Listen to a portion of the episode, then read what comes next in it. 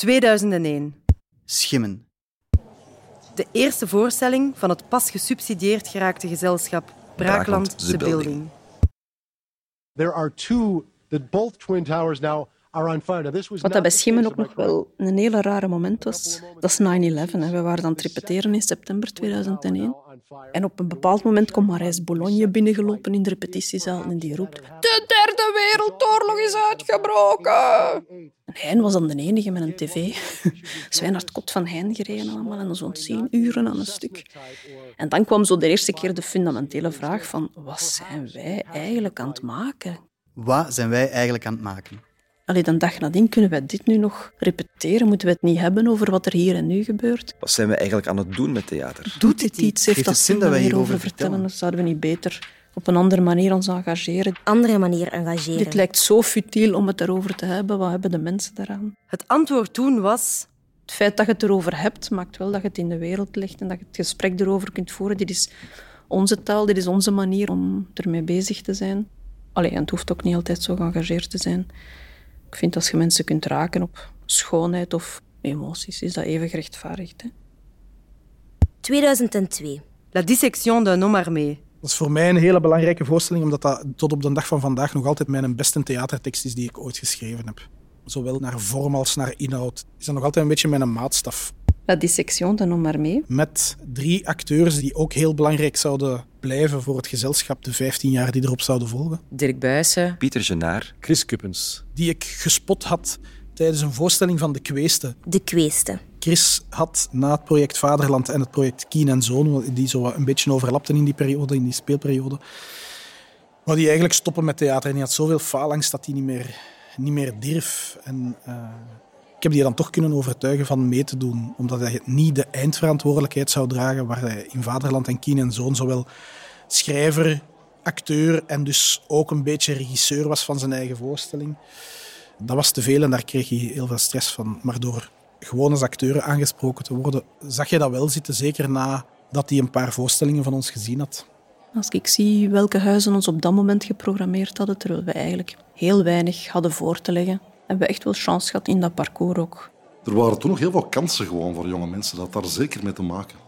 En als je toen een mooi projectsubsidiedossier schreef, dan was de kans groot dat dat ging gehonoreerd worden en dat je iets kon doen. Iets kon doen. 2003. Caspar. Een tekst van Adriaan, Adriaan van Aken en ikzelf. Stijn. Het leuke ook bij dat samen schrijven is dat wij elkaar niet in de weg zitten als schrijvers. We vertrekken vanuit heel andere invalshoeken. Stijn vertrekt meer vanuit journalistieke, historische research. En probeert dat dan persoonlijk te maken door zich daar tegenover te gaan verhouden.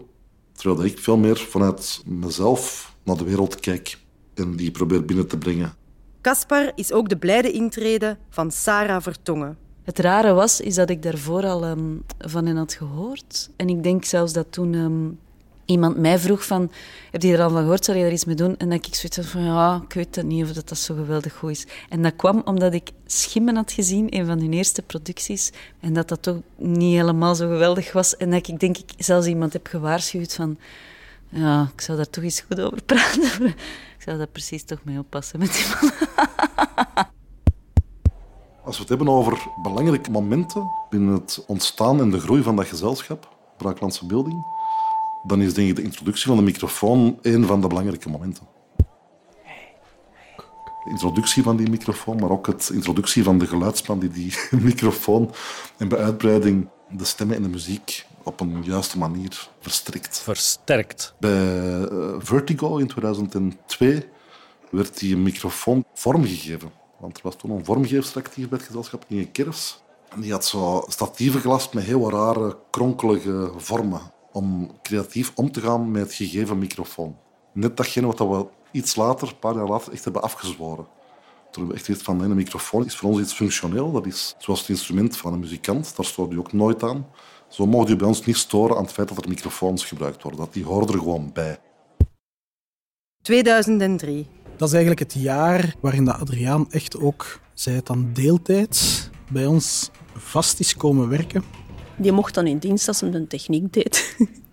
Het is echt zo zijn we begonnen. Zo is dat begonnen. 2003. Over naar jou. Dat is eigenlijk het eerste projectje dat ik op vraag van Stijn en Els heb gemaakt voor Braaklandse Beelding als enige verteller. Het was de eerste keer dat Adriaan zo'n tekst wist schrijven. En ik vind hem daar nog altijd heel straf in, in hoe hij dingen kan benoemen en observeren. Hij kan dat met een hele grote taalgevoeligheid en een fijne humor beschrijven. En daar zit geen groot dramatisch verhaal in of een spannende actieboog, maar dat zijn allerlei observaties van een mens, waardoor je met al die zinnetjes samen een mens krijgt. Iemand dat toen is komen kijken naar dat voorstellingetje was de Johan Leijsens, een van de topmonteurs van België. Die vond dat heel schoon, die voorstelling. Die zei van, ik wil daar een kortfilm van maken. En dan ben ik de tekst erop gaan nalezen van, kun je er inderdaad een kortfilm van maken? En ik had zoiets van, ja, dat kan. Dat is wel heel veel gedoe. oh, maar uh, toen dacht ik van, eigenlijk is het beter om hier een stripverhaal van te maken. Dan kun je zonder al dat gedoe toch tonen wat ik graag wil tonen met deze tekst, waar ik, waar ik het graag over wil hebben. En toen heb ik daarna over vriend van mij aangesproken, Philippe Paquet, waar ik mee in het secundair op school heb gezeten een aantal jaren. Een heel goede striptekenaar. We hebben samen een tekst gelezen en zijn we eraan begonnen. En dat bleek inderdaad heel goed te werken. Elk zinnetje was een beeld. En dat is zeker een eigenheid van het gezelschap altijd geweest van de andere activiteiten van de medewerkers, de vaste en de losse, van die mee te willen integreren in het gezelschap, van die binnen te trekken. Wat er ook veel zegt over het gezelschap of zo. Dat ook een stripverhaal daarin thuis kon horen.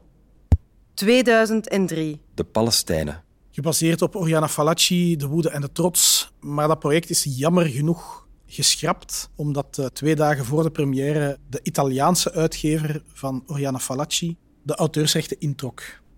Ja, dat was gewoon kloten. Want we hadden een hele spannende voorstelling gemaakt die vragen stelde over hoe moet je je verhouden tegenover maatschappelijke fenomenen enzovoort. Eigenlijk een heel relevante voorstelling. En we mochten ze niet spelen. Dat is uh, bijzonder frustrerend. Heeft zeker meegespeeld in de keuze om nog meer alleen voor eigen tekstmateriaal te kiezen. Dat heeft zeker die keuze echt, echt verscherpt.